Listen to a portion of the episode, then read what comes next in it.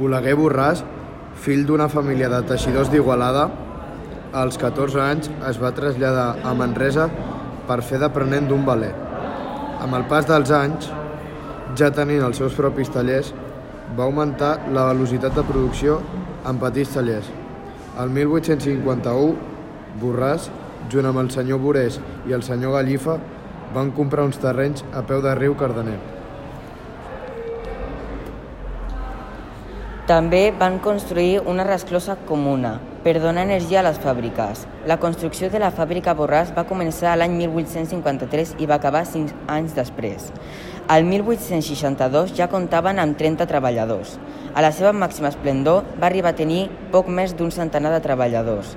L'energia era hidràulica, gràcies a la resclosa, però el 1866 es va complementar amb energia que provenia d'una màquina de vapor, on es va instaurar una xamanella. La fàbrica tancà el 1872 per la competència sud-asiàtica. Que és en l'actualitat Actualment la fàbrica segueix funcionant per una petita part. Està operada per petites empreses on tenen una part de màquines i una petita part de magatzem.